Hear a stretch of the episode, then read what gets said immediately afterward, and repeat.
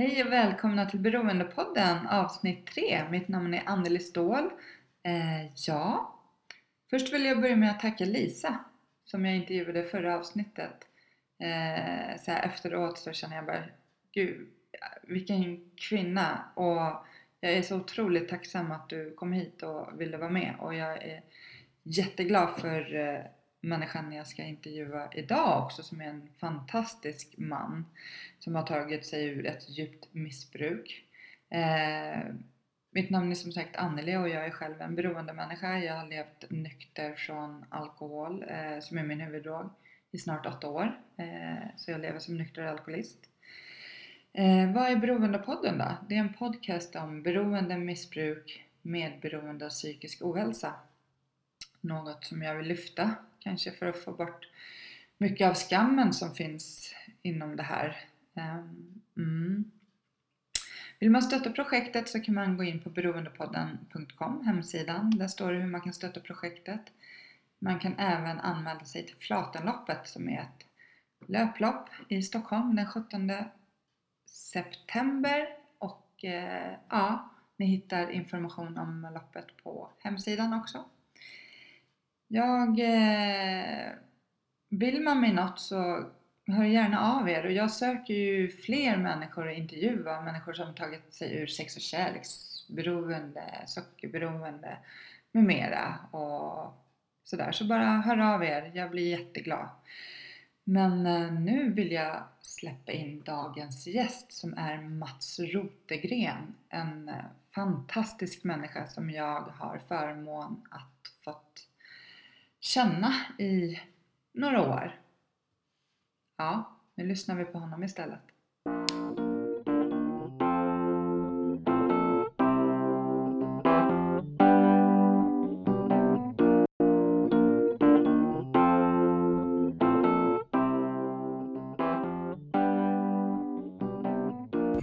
Ja, hej och välkommen hit Mats Rotegren. Mm, tack så mycket. Tack. Ja, hur står det till?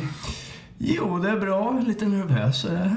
Ja, men det förstår jag att du är. Och det är helt okej. Mm. Ja, ehm, ja, du sitter här för att du har ett eh, lite halvtufft eller väldigt tufft förflutet. Mm. Eh, skulle jag väl vilja påstå som har hört din historia förut. Ja. Eh, men eh, du har varit nykter och drogfri i rätt så många år. Mm. Ehm, Sju år och två månader drygt. Sju år och två månader. Mm. Asgrymt. Mm. Vad var din huvuddrog? Har du någon? Ja, det är lite olika perioder i livet. Så där. Först var det alkohol. Sen var det, skulle jag nog mer eller mindre säga, amfetamin och Subutex. Men jag mixade alla droger. Ja. Jag har i princip testat allt. Vi, vi kommer lyssna på ja, hela din historia, men eh, i slutet, vad var det då? Sista, var det Subutex och... Amfetamin och Subutex. Mm. Så, ja, börja och berätta lite om dig själv. Hur gammal är du? Kan vi börja med? 42. Ja. Ja, det skulle man inte kunna tro. Nej. Jag som känner Mats vet att han är en väldigt eh, grym atlet i mina ögon i dagsläget. Tack. Ja, men ja, varsågod, berätta. Mm. Vart kommer du ifrån? Mm.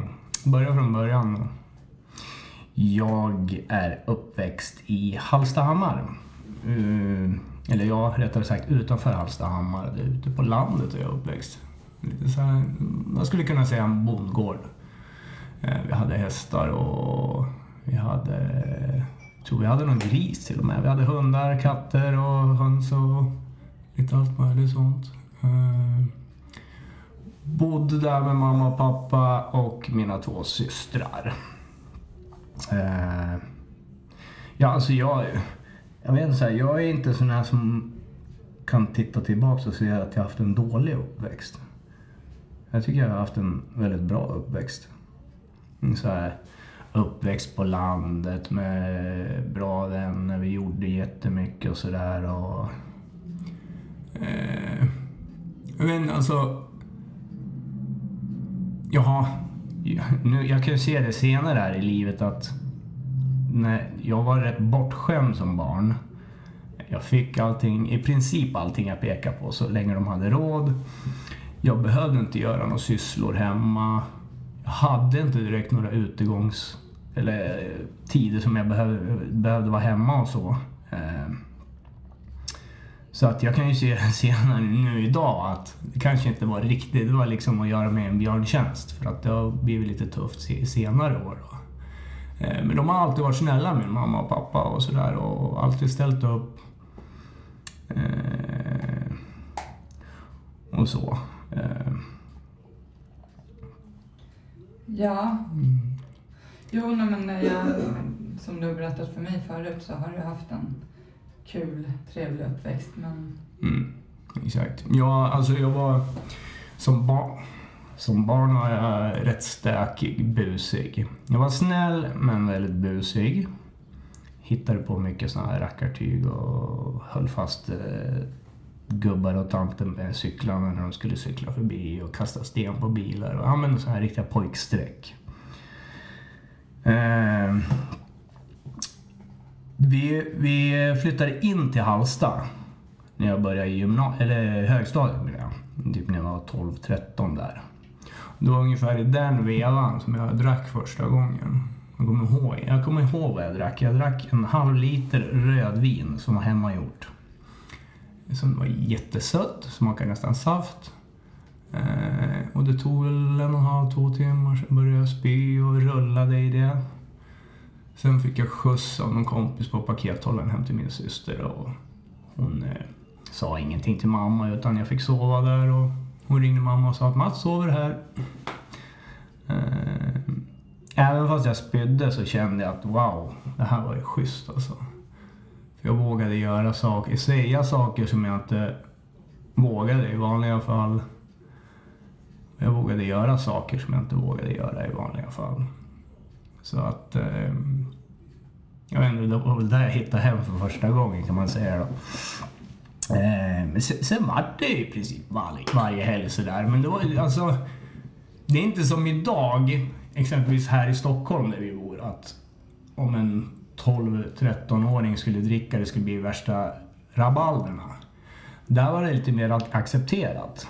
Och på den tiden. För det är ändå rätt länge sedan liksom. Det är fan 30-31 år sedan. Eh, mamma och pappa, alltså de trodde jag var jättesnäll och sådär fast jag var riktigt jäkla bråkig när jag drack. Eh, fick mycket snefyllor och skulle bråka och ha mig och liksom.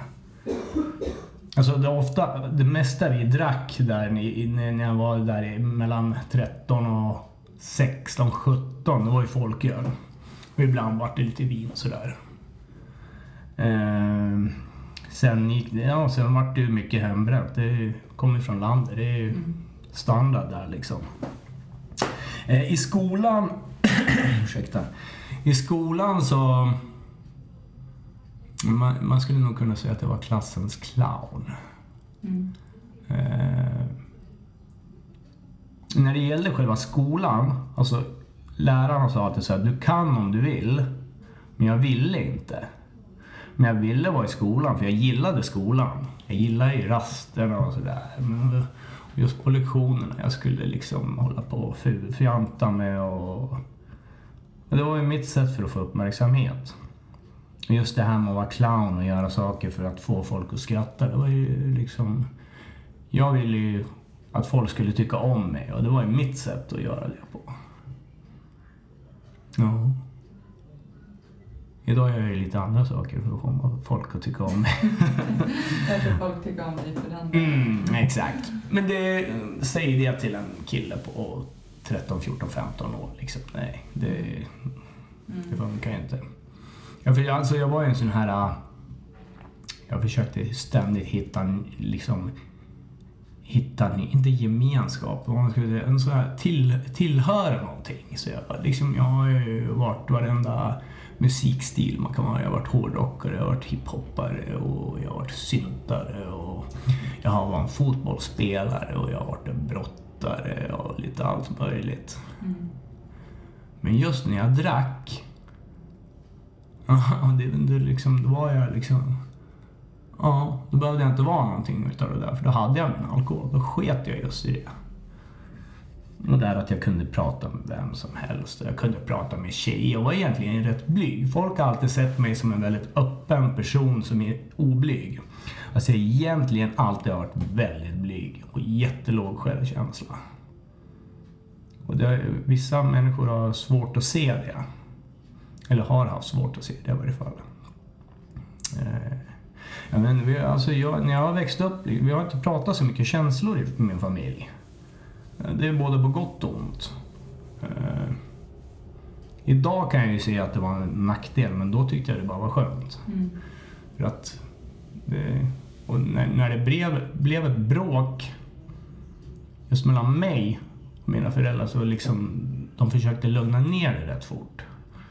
De bråkar rätt mycket sådär och, och så. Så jag är lite uppväxt med det där så att jag vill verkligen inte ha bråk i mitt liv. Jag hatar verkligen när folk bråkar. Eh, ja, men i varje fall tillbaks till eh, mig då. Mm. Vi var, när, jag var, när jag var 13 då började vi lite med så här att dricka på söndagar också. Vi tyckte det var häftigt. Man vaknade bakfull och drack lite sådär på söndagarna. Det var, det var inte riktigt så här jättetungt tungt drickande. Vi hade väldigt kul, hade vi. Speciellt på somrarna när vi var nere i kanalen och badade. och så här. Jag har haft, all, alltid haft mycket vänner. Mm. Har jag. Eh, Men just det här med väldigt stökig. Väldigt stökig. Och sen... eh, Men ändå väldigt snäll. Eh, Jag flyttade hemifrån. Jag kommer inte riktigt ihåg om jag var... Jag tror 16 eller 17 var jag. Jag fick ett... Jag fick någon slags ungdomspraktik. eh, På ett gym bland annat. Men det var då, det var, ja, men det var då jag började gymma. Jag bara wow, då kände jag också sådär, det här är min grej liksom. Och det har jag hängt med ända till idag. Jag älskar ju att träna alltså.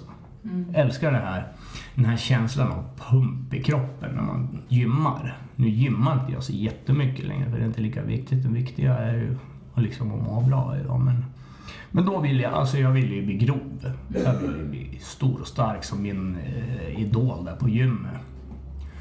Och det ledde ju såklart till att jag började dopa mig. Jag tror jag dopade mig första gången jag var 17 år gammal.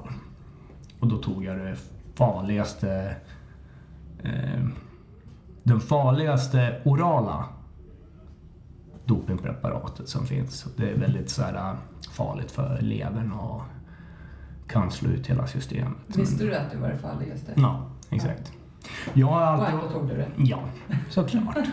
Ja, men jag är en sån här att jag vill ju testa grejer. Jag skiter egentligen i konsekvenserna. De får jag ta sen. Mm. Men jag vill testa. Jag vill vara en sån här. Jag vill vara, jag vill vara världsvan. Jag vill testa det och jag vill kunna säga att jag hoppar fallskärm. Jag vill kunna ba, ba, ba, ba. Mm. Så har jag alltid varit. Så är jag fortfarande lite än idag. Jag gillar att göra galna saker. Men det är en del av den jag är liksom. Eh, I varje fall, det var inte så smart kanske att dricka när man dopar sig. Så det har varit väldigt mycket snedfyllor, väldigt mycket slagsmål. Eh, efter ett tag så fick jag sluta dricka bara för att det gick, det gick inte att vara med mig. Mm. Eh, jag ville ju fortfarande, fortfarande dopa mig. Jag ville ju bli stor och grov liksom. Eh, jag vet inte, alltså. Det har varit mycket fyllekörningar. I princip varje helg. Mm. Jag kan nog nästan säga att varje helg så fyllstyrde jag. Och det hände aldrig någonting. Det kommer vi till lite senare. Ja. Eh, men jag fick, jag fick aldrig några konsekvenser. Ja visst, jag vaknade med lite ångest. Vad fan gjorde jag igår? Åh, gud inte det. Men det gick ju över igen. Det gick ju över så fort som fan. Och jag var ju alltså, det var många gånger jag tog ner och tränade dagen efter. Kunde dra ner och, och köra knäböj och spy och sen, ja men, no, det var inget problem liksom. Eh, Men det är ju så när man är ung. Man återhämtar sig fort liksom. Mm. Eh, vi var iväg på mycket så festivaler och så. så Hultsfred och vi hade, kom ihåg mina polare hade en sån här förlängd Volvo som den var omgjord och vi satt och åkte med alla dyngraka. Och, eh, det var nere i Hultsfred som jag testade både amfetamin och hash första gången. Mm. Alltså jag drack ju samtidigt så jag kände inte så mycket av det. Så jag tänkte, nej, det här var ingenting för mig liksom. Eh, men alltså jag, jag trivdes ändå. Fast just hela veckorna var ju bara en enda väntan på helgen för att få dricka igen. Det var ju så mina veckor såg ut. Jobbade, eh, tränade, så kom helgen, då drack man och så vidare och så vidare och så vidare. Eh, I varje fall när jag var 24 så flyttade jag till Stockholm. Jag tröttnade lite på Halsta så jag sökte några jobb här i Stockholm.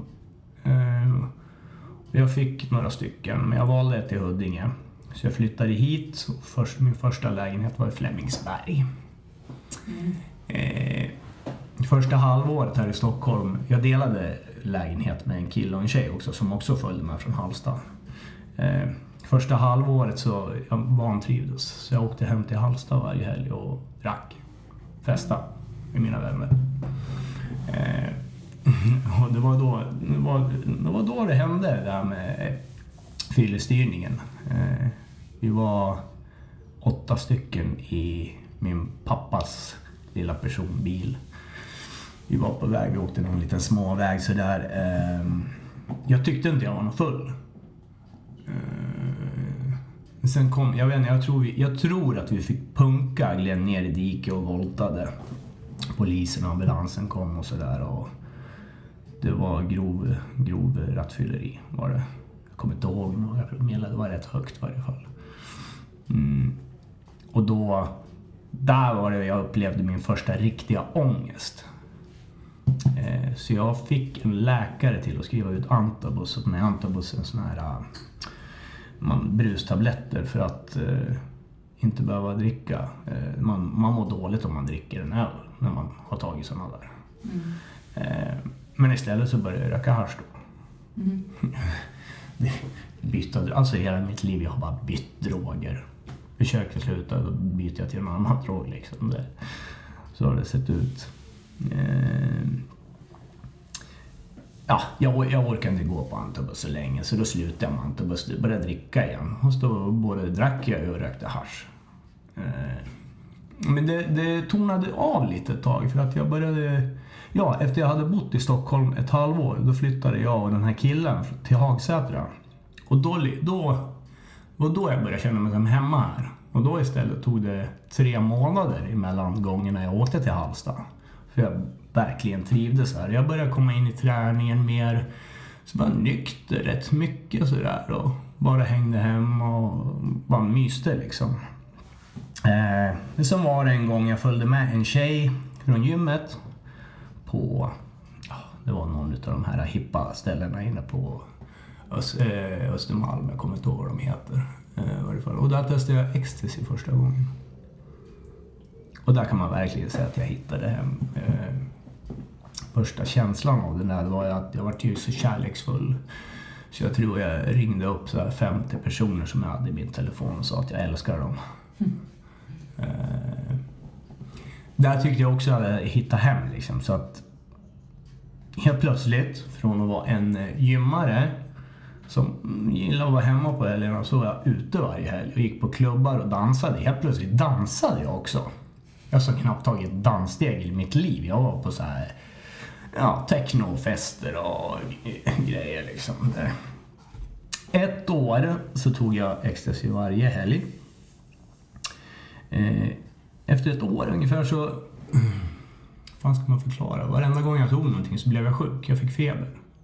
Då var kroppen sätt att säga nej, det här ska inte du ha. Eh, och då hade jag precis träffat en, en kille som är eh, bra vän med idag faktiskt, som också är nykter och drogfri.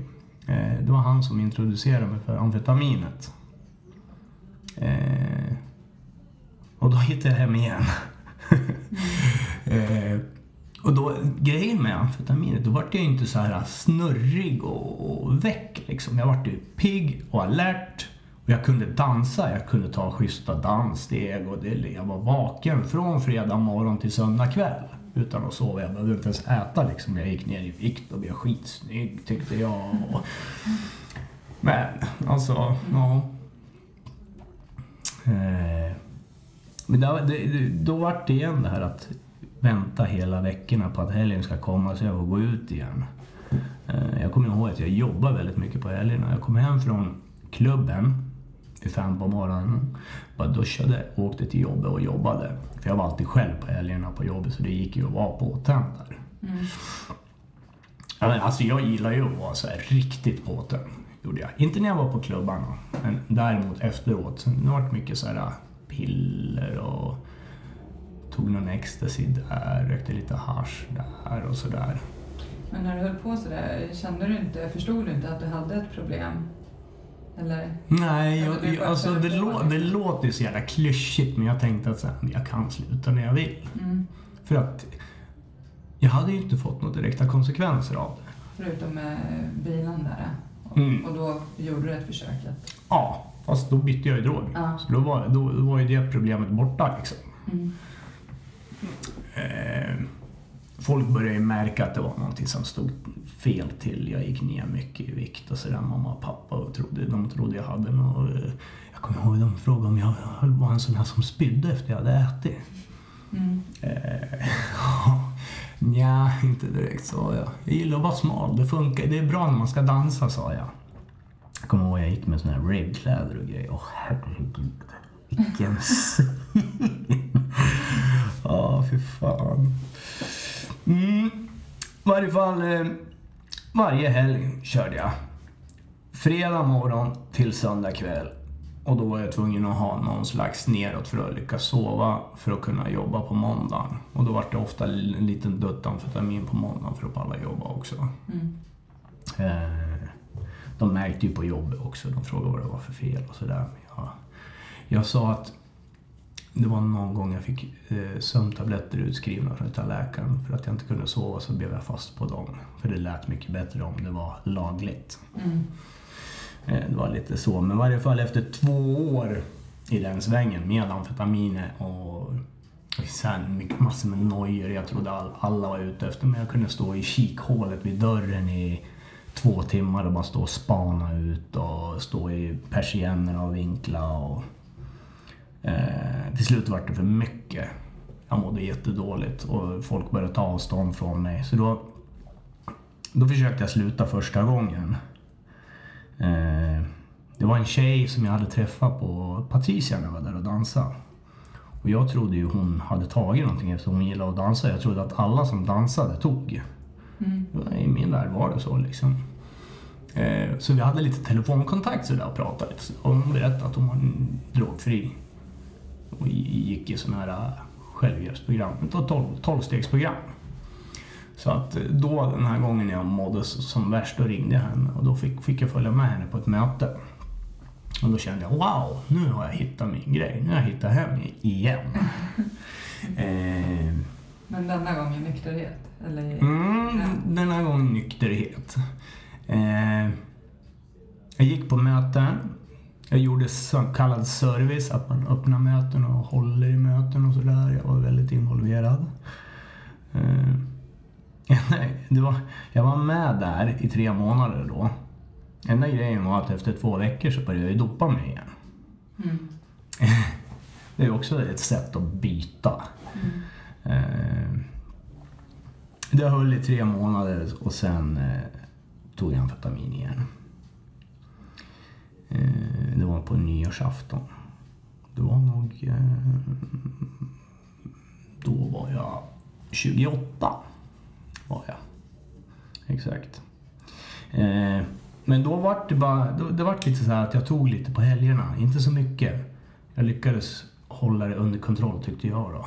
Eh, och i den vevan så träffade jag mitt ex som jag var i, tillsammans med i fem års tid.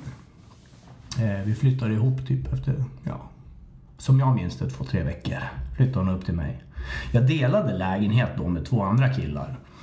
Eh, en av dem tog lite droger med mig någon gång ibland, inte lika mycket som mig. Och den andra han tog inga droger alls. Eh, på, men på något sätt funkar det liksom. Eh, men hon flyttade upp till mig och mina två kompisar efter bara några veckor. Sen helt plötsligt flyttade deras tjejer också in. Så det var sex stycken som bodde i en lägenhet. Gud alltså. Och det var eh, första gången jag träffade henne. Hon tro, hon, vi, vi, det var på en fest.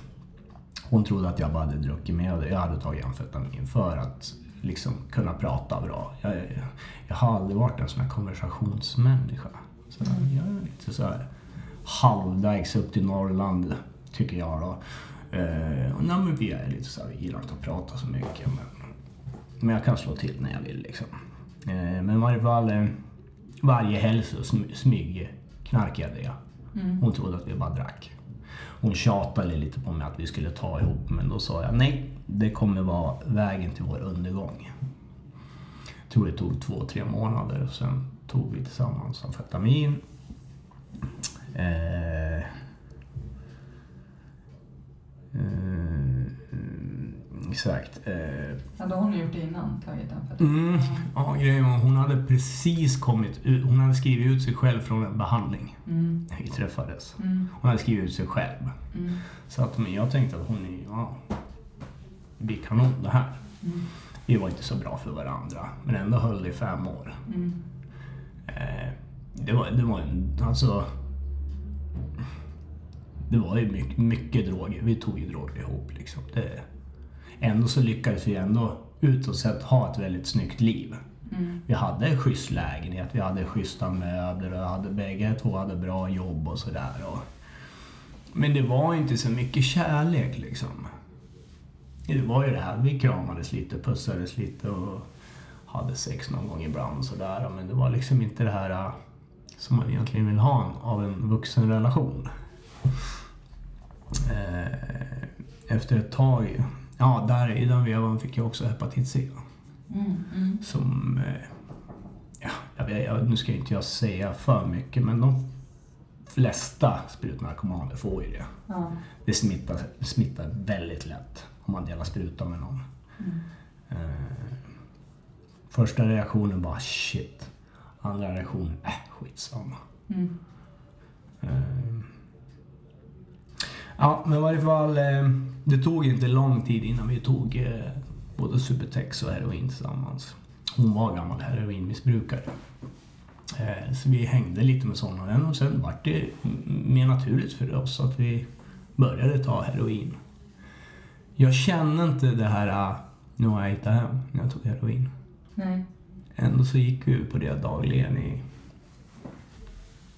Vi blandade både det. Ett, ett tag med heroin, ett tag med Subutex och så vidare. I typ kanske två år, någonting sånt där.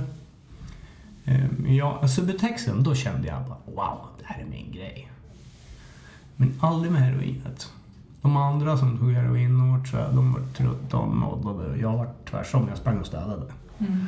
Eh, Men det var alltså en relation med droger, det funkar inte i längden liksom. På något sätt så skiter det sig. Eh, det vart någon sån här halvöverdos på vägen där och... Eh, ja men det vart inget bra mellan oss så det, det tog slut. eh, Helt enkelt. Och jag, helt plötsligt var jag själv i en lägenhet ute i Skogås.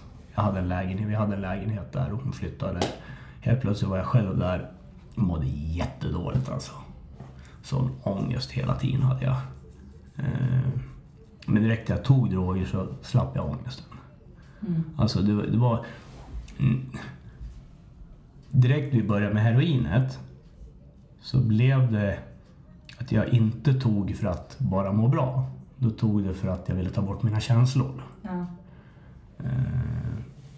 För utan drogerna så kom, började känslorna komma upp i kroppen och det liksom, jag är inte van med det. Jag vet inte vad jag skulle göra. Så det var så fort som möjligt ta nästa drog för att komma ner. Mm. Slippa det där. Eh, och från den dagen att jag började ta heroin och Subutex så knarkade jag var- varje dag tills jag slutade i princip. Eh, och fick jag inte tag i något utav det, ja men då kunde jag dricka.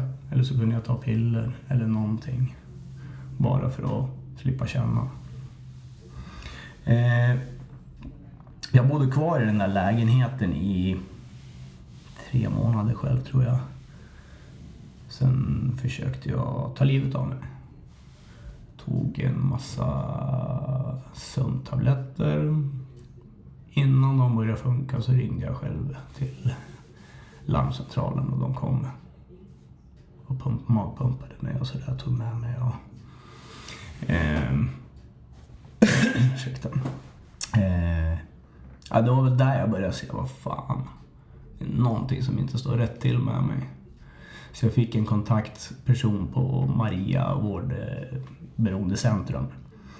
Eh, och han förklarade att ja, men du är ju narkoman. Ja, jag kunde köpa det. Mm. Inga problem. Men bara någon sa det till mig, någon, någon som kunde sin grej. Ja, men vad ska jag göra åt det? Ja, första steget att sluta. Jag bara, inga problem. La in mig på avgiftning. Jag lyckades stanna i fyra dagar, sen kröp det i kroppen och jag skrev ut mig. Första jag gör det är att ta en taxi till min kran och köpa amfetamin. Och så var det igång igen. Eh, jag gjorde mig eller jag hyrde ut lägenheten. Gjorde jag. Och flyttade till en kollega på Söder. Pengarna jag fick av henne för att betala hyra använde jag till droger. Så det tog bara tre månader så kom Kronofogden och knackade på och avhyste henne. Utan en förvarning. Mm. Jag har försökt få tag i henne i sju års tid men jag har inte lyckats. Jag har en så kallad gottgörelse, en rätt stor gottgörelse att göra till henne. Får vi hoppas hon lyssnar. Mm, exakt. Det vore jättekul. Eh, där, han kollegan, han tog ingen droger själv. Han visste att jag hade ett problem. Och han, jag, jag tror att han var en sån här som trodde att han kunde hjälpa mig. Mm. Så det vart några avgiftningar. Jag gjorde en, min första behandling där. Eh, en öppenvårdsbehandling. Det innebär att man åker till behandlingsstället på dagtid, är där dagtid. Så får man åka hem på kvällen. Och det funkade eftersom jag hade någonstans att bo. Men eh, det höll bara i... Nu ska vi se här. Det höll i en och en halv månad tror jag.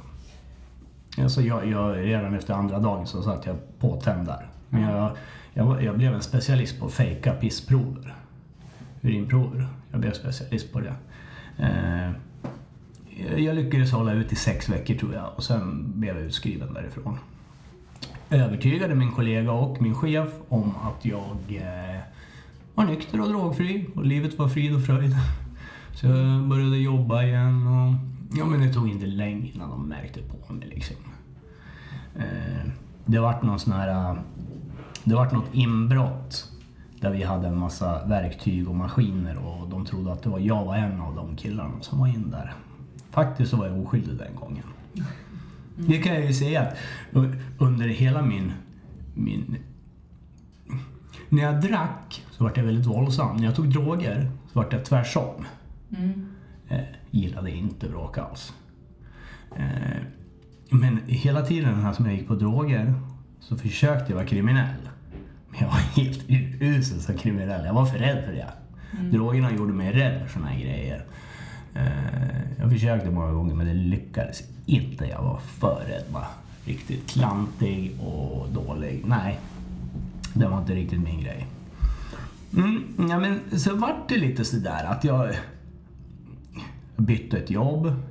De eh, märkte efter några veckor att nej, det här är någonting som inte är så rätt. Jag ska bli av med jobbet. Lyckades fixa ett nytt för jag var väldigt manipulativ. Eh, Även om folk visste att jag hade drogproblem så lyckades jag tro, få dem att tro att jag inte hade det. Jag var rätt, rätt så snäll jag kunde prata för mig och sådär. mm, Jag var ju rätt duktig på mitt jobb fast det visade ju sen när det gick till att jag avslutade inget jobb. Och jag var väldigt jätteslarvig och sådär. Mm. Eh, Men jag lyckades ju få mina chefer att tro att det var någon annans fel. Mm. Tills efter ett tag när de insåg det där. Eh, jag kunde inte bo kvar hos min kollega för han, han klarade inte av det längre. Så du, du, tack vare det här inbrottet han trodde jag var med på det så då låste han ut mig. Och det var då jag började bo på Mm, det var lite så här lågtröskelboenden, det var härbergen hemma hos någon eh, drogkompis. Det vart någon toalett, det vart någon trappuppgång. Det vart mest lågtröskelboende och eh, eh, ah, det är såna här eh, ställen som hemlösa går och bor på. De kommer dit på kvällen, sen sover de där, sen får de gå därifrån på morgonen. Mm. Sådana grejer. Eh, och jag var yngst, kan jag säga. Jag var runt eh, 30-31 där. Resten var väl runt 55 kanske. Och jag, jag gillade lite att hänga med dem där. För att då kände jag mig så mycket friskare. För de var ju så neddekade liksom. Det är såna här, såna, som vanligt folk säger så här, att det där är en riktig lodis. Mm. Gatupundare. Mm. De hängde jag med. Och jag tyckte att jag var så jävla fin och flashig liksom. Så att... Eh, mm. Vart är vi nu då? Nu ska vi se här. Det vart mycket avgiftningar. Två öppenvårdsbehandlingar som inte funkar alls. Eh, jag försökte alla möjliga sätt att sluta. Jag bytte drog, jag försökte träna, skaffa flickvän. Jag flyttade till Hallsta igen i typ två månader men det slutade med att jag åkte till Stockholm i princip varje dag för att köpa droger. Och sen hem till Halmstad igen. Mm. Eh, mamma och pappa, de fattar ju att det, Men jag tror att de valde att inte se det samtidigt. Mm. Syrran, jag, jag märkte ju min syster, ena syster, hon... Jag märkte hur, hur, hur hon mådde dåligt av det. Eh, hon har alltid ställt upp på mig. Sen har jag en annan syster som jag inte har någon kontakt med. På grund av saker som jag inte tänker gå in på här. Men Mm. vi har ingen kontakt i alla fall. Eh, nej, men jag flyttade tillbaks till Stockholm. Eh, fick bo hos en kompis. Eh, I väntan på en behandling som jag bara sköt upp hela tiden. För att jag, alltså hela tiden så vi, under de, de sista sex åren så försökte jag sluta. Men samtidigt, när jag fick chansen att sluta så ville jag egentligen inte sluta. Ibland ville jag bara ha en paus så att jag blev lite fräschare. Och sen ville jag att det skulle se ut utåt som att jag slutade och gick på behandling fast jag på kvällen ville knarka för mig själv. Mm. Och så vidare. Jag hade liksom inga vänner kvar. Alltså, jag kommer ihåg sista, eh, sista drogen jag tog. Det var metamfetamin var det. Och jag tror att det var den bästa av alla gångerna. Bäst effekt och bäst känsla. Det blev min sista gång. Det var 2009. Det var 14 februari, alla hjärtans dag, som är min nykterhetsdag. Eh, och det var på ett, eh, sån sånt här eh, hem som heter Krinolinen där jag väntade på behandling. Eh, jag tror jag kom till eh, behandlingen, Kvarnlyckan hette stället ute på Lidingö. Det var skillnaden mellan, från, från tidigare behandlingar, det var att på det här behandlingsstället, då bodde man där. Så man var där 24 timmar om dygnet. Ja, man fick ju åka iväg på två möten, två, två kvällar i veckan då. Eh, den... Eh, jag var, jag var så rädd när jag kom dit. Det satt en massa nyktra människor där och kom jag dit och jag var, hade ju fortfarande droger i systemet. Så att de två första dagarna fick jag ligga på rummet tills jag lämnade ett rent prov. Då fick jag komma ner och vara med i gruppen. Eh, det är en tolvstegsbehandling. Man sitter i grupp och jobbar med sig själv, så att säga. Det tycker jag i, princip, i och för sig alla människor skulle få chansen att göra. Ja. Inte bara vi alkoholister och narkomaner. Det är en otrolig resa. Man lär sig jäkligt mycket om sig själv. Oh, jag får gåshud. Ja, jag vet. Eh, I varje fall på det där stället, alltså jag älskade den tiden. Det var väldigt så här dramatiskt, jag var väldigt dramatisk. Eh, jag ska komma tillbaks till det. Eh, man var på första primärvården i, jag tror jag var där i mm, sex veckor eller något sånt där. Det var mycket sitta och jobba med sig själv och man såg tillbaka på sina konsekvenser och allt möjligt sånt där.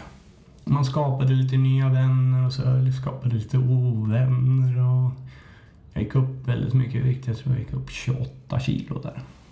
Från att inte äta till att helt plötsligt äta och det finns så här Gorbis, det fanns bullar och jag var nere i köket hela tiden och käkade. Eh, så jag gick upp rätt mycket i vikt. Jag har en, några bra bilder på det. Magen putar ut väldigt mycket. Mm. Där fick jag lära mig vad självkänsla var för första gången. Mm. Vilket jag...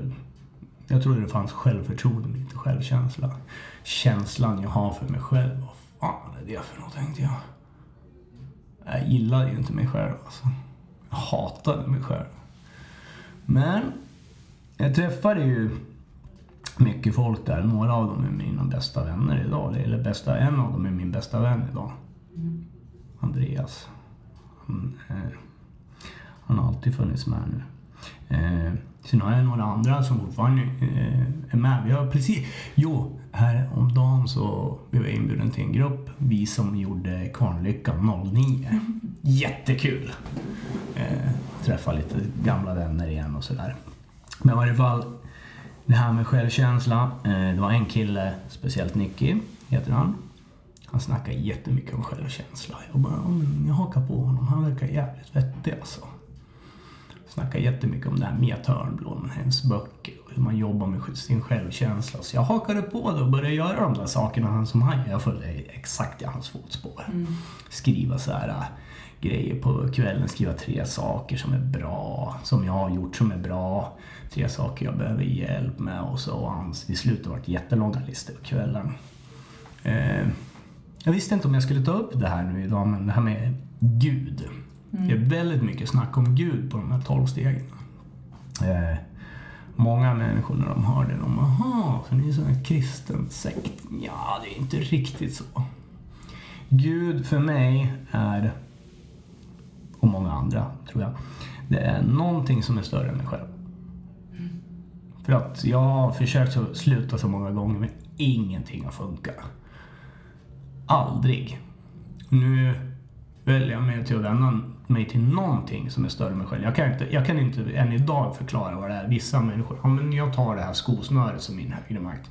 Jag kan fortfarande inte idag ens sätta fingret på vad som är min högre makt. Det är någonting. Det är det enda jag behöver veta. Och det tror jag fortfarande på idag. Eh, ja. Eh, efter sex veckor så kom man vidare till eh, halvvägshus heter det. Man fortsätter jobba i grupp så här på dagarna, man bor där. Men på kvällarna har man ledigt. Mm. Och vi var ett gäng som plöjde möten. Gick på sådana här tolvstegsmöten. Så jag var, mm, snittade väl så här 12 möten i veckan. Jag gillade att gå Alltså jag träffade nya vänner och jag kan säga idag, det var det bästa jag kunde ha gjort. Gå på mycket möten. För att just skapa med den här nätverket av människor runt omkring mig. Som jag fortfarande har kvar idag. Det är, alltså idag så är det ju mest mina vänner som gör, att, kan, gör det möjligt för mig att vara nykter. Har inte jag mina vänner och, och folk som, och prata om de här grejerna med, då kommer jag ju förr eller senare gå ut och dricka knarka, eller knarka. Och gör jag det idag, dricka eller knarka, så är jag precis tillbaks där jag var. Fast nej, jag tror det är värre idag. Mm. Det är en sjukdom, men jag, jag är väldigt dålig på att förklara det här med just att, hur sjukdomen funkar. Så jag överlåter det till någon annan. Jag drar bara min life story liksom. Mm. Uh, den här tiden på halvvägshuset, den var helt fantastisk alltså. Det var så roligt.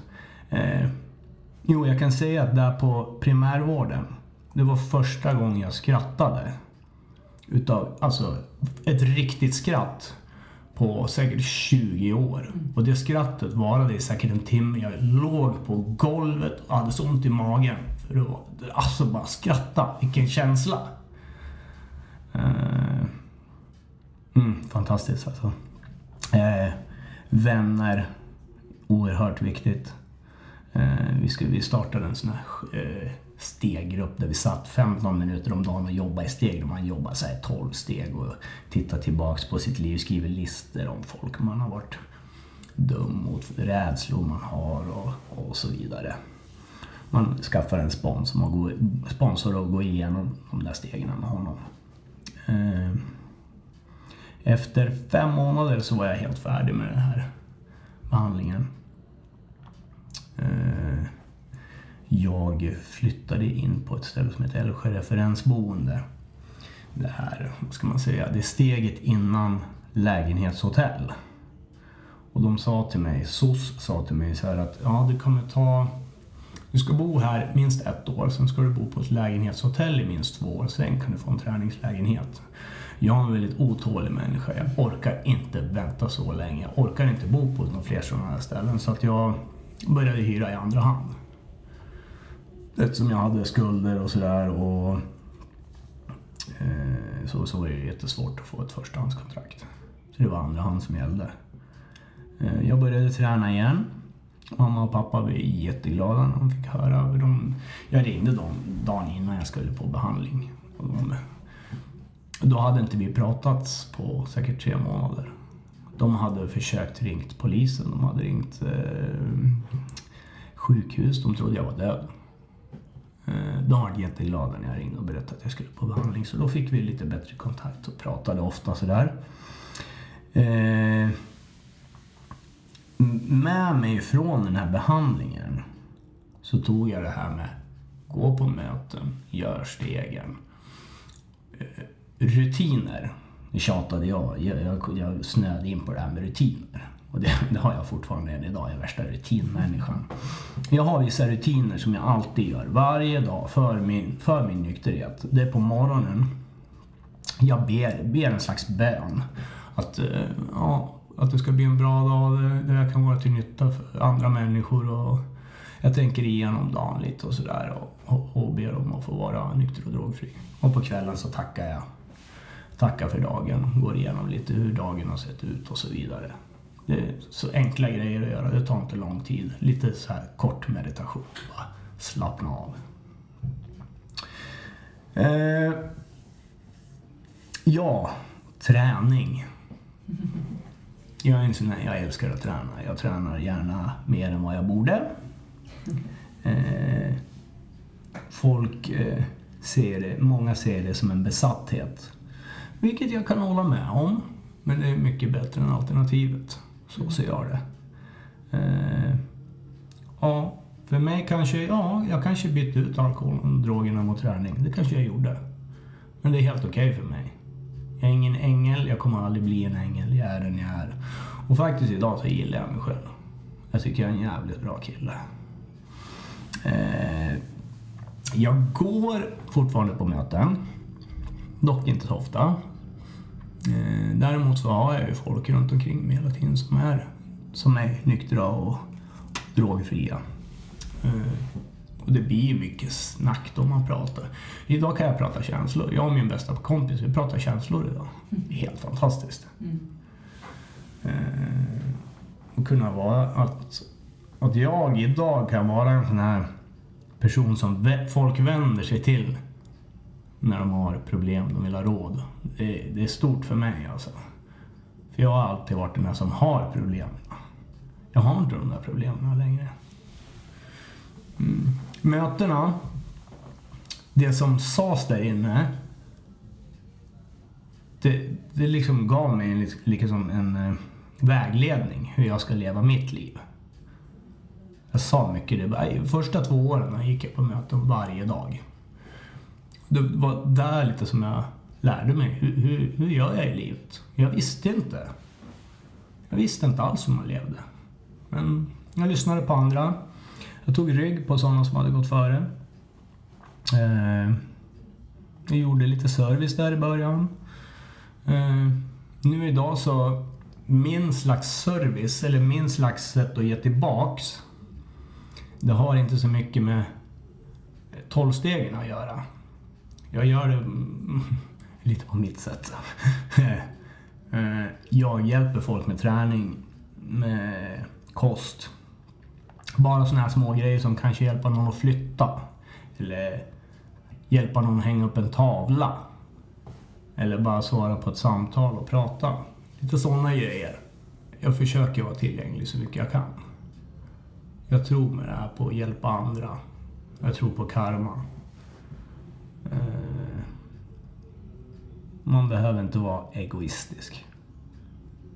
Man kan, vara ego- man kan vara egoistisk utan att vara egoistisk. kanske låter lite flummigt men... Om jag gör bra saker så får jag bra saker. Tänker jag, sänder jag ut positiva tankar så får jag tillbaks positiva tankar. Positiva saker händer. Lite så tänker jag. Eh, ja, när jag hade varit nykter i ett och ett halvt år tror jag, så tror jag, då träffade jag en tjej som också var nykter. Hon sitter mitt emot mig nu. Ja, Det är Anneli. Och vi hade en relation på, hur länge var det? Tre och ett halvt år. tre och ett halvt år. Tre och ett halvt år. mitt längsta hittills. Wow. Grymt. Eh, jag, tror inte vi, jag tror vi bråkade en gång under de tre och ett halvt åren. Mm. Det mesta vi pratade var träning. Ja.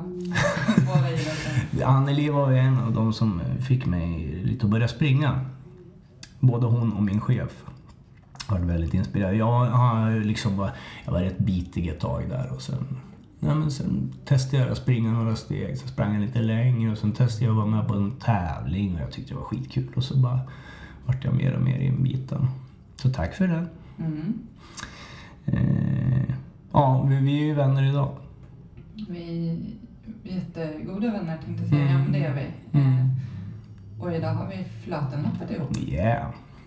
Som alla kommer att köra hoppas jag. Ja, för Mm. Flatenloppet är ju...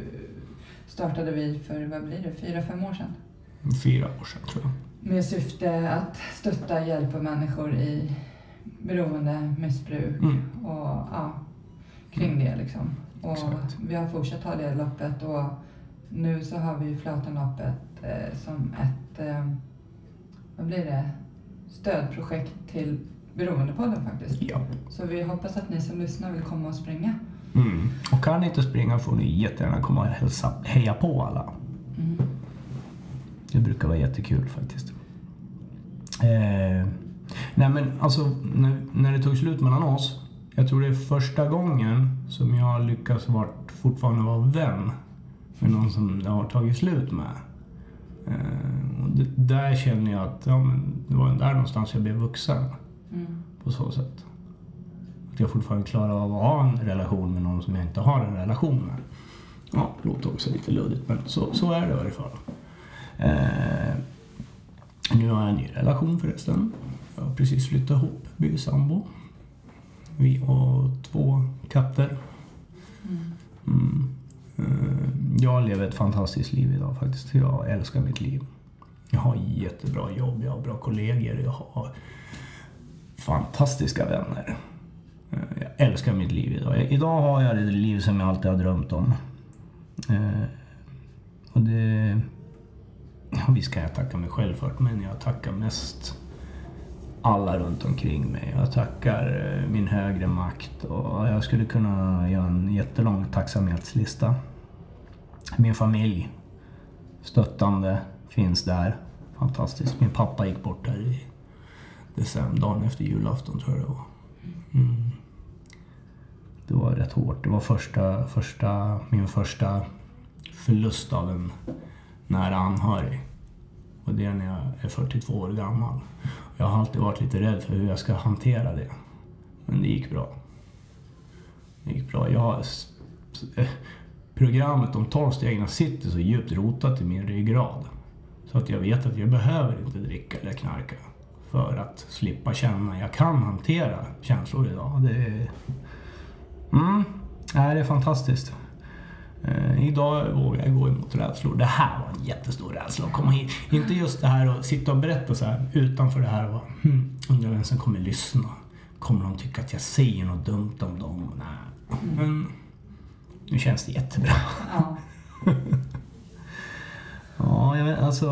Och, alltså, och jag, jag har ju bjudit in dig hit för att du är en jättestor förebild i mina ögon och i många andras ögon också. Och, ehm, du har ditt förflutna eh, men eh, alltså de, den du är idag liksom, och den resan du har gjort och Mm. Ehm, ja, jag vet att du inspirerar jättemånga med din resa. Ehm, Mm, tack.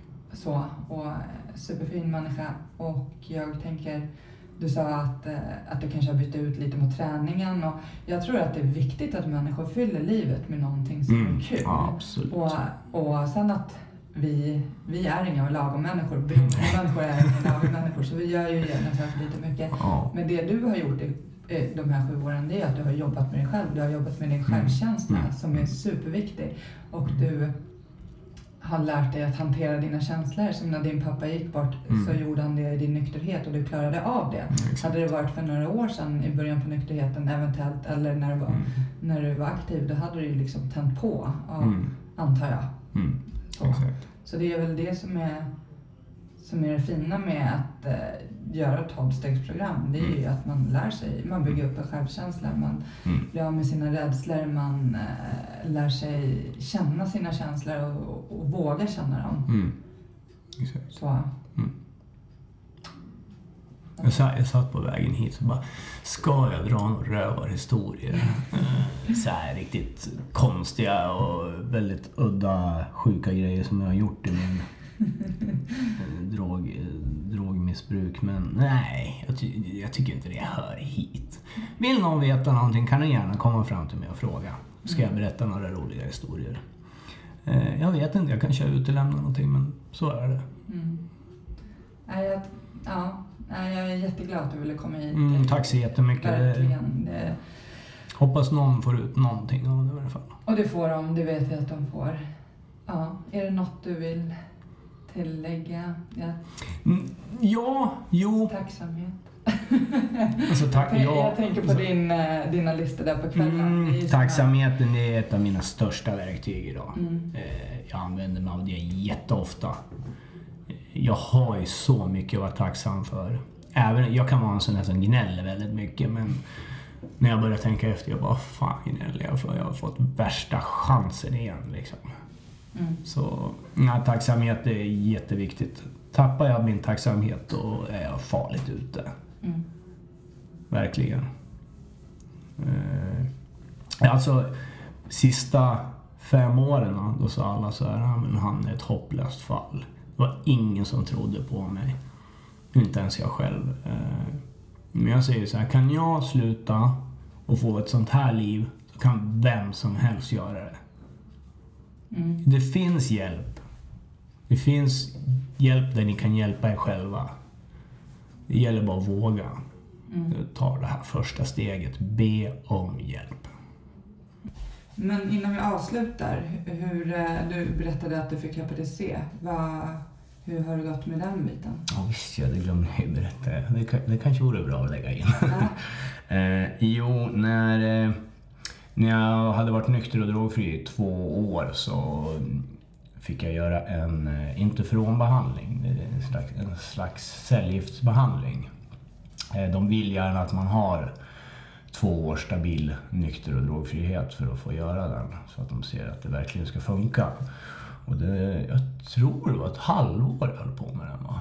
Mm. Eh, Så man, får, man tar sprutor en gång i veckan. En del mår jättedåligt av det.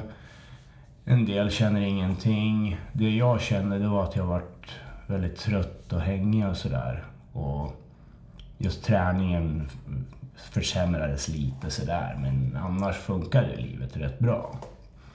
Eh, Men jag menar, det är ju också en grej till varför jag inte vill gå tillbaka till drogerna av alla andra anledningar. Man behöver göra om det där för att knarkar jag igen, då sitter jag där med en spruta redan från första början. Och inom kort så kommer jag dela sprutan med någon och då kommer jag få det igen. Det är jag helt övertygad om. Så att, nej, den är jag fri ifrån. Mm.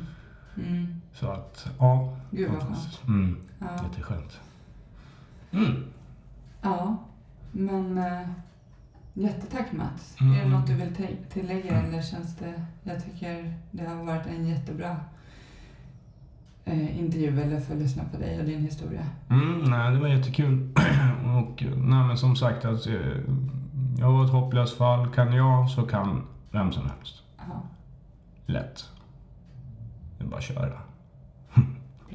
Ja, tack så Vi mycket. avslutar där. Ja. Tack, tack. Tack, tack.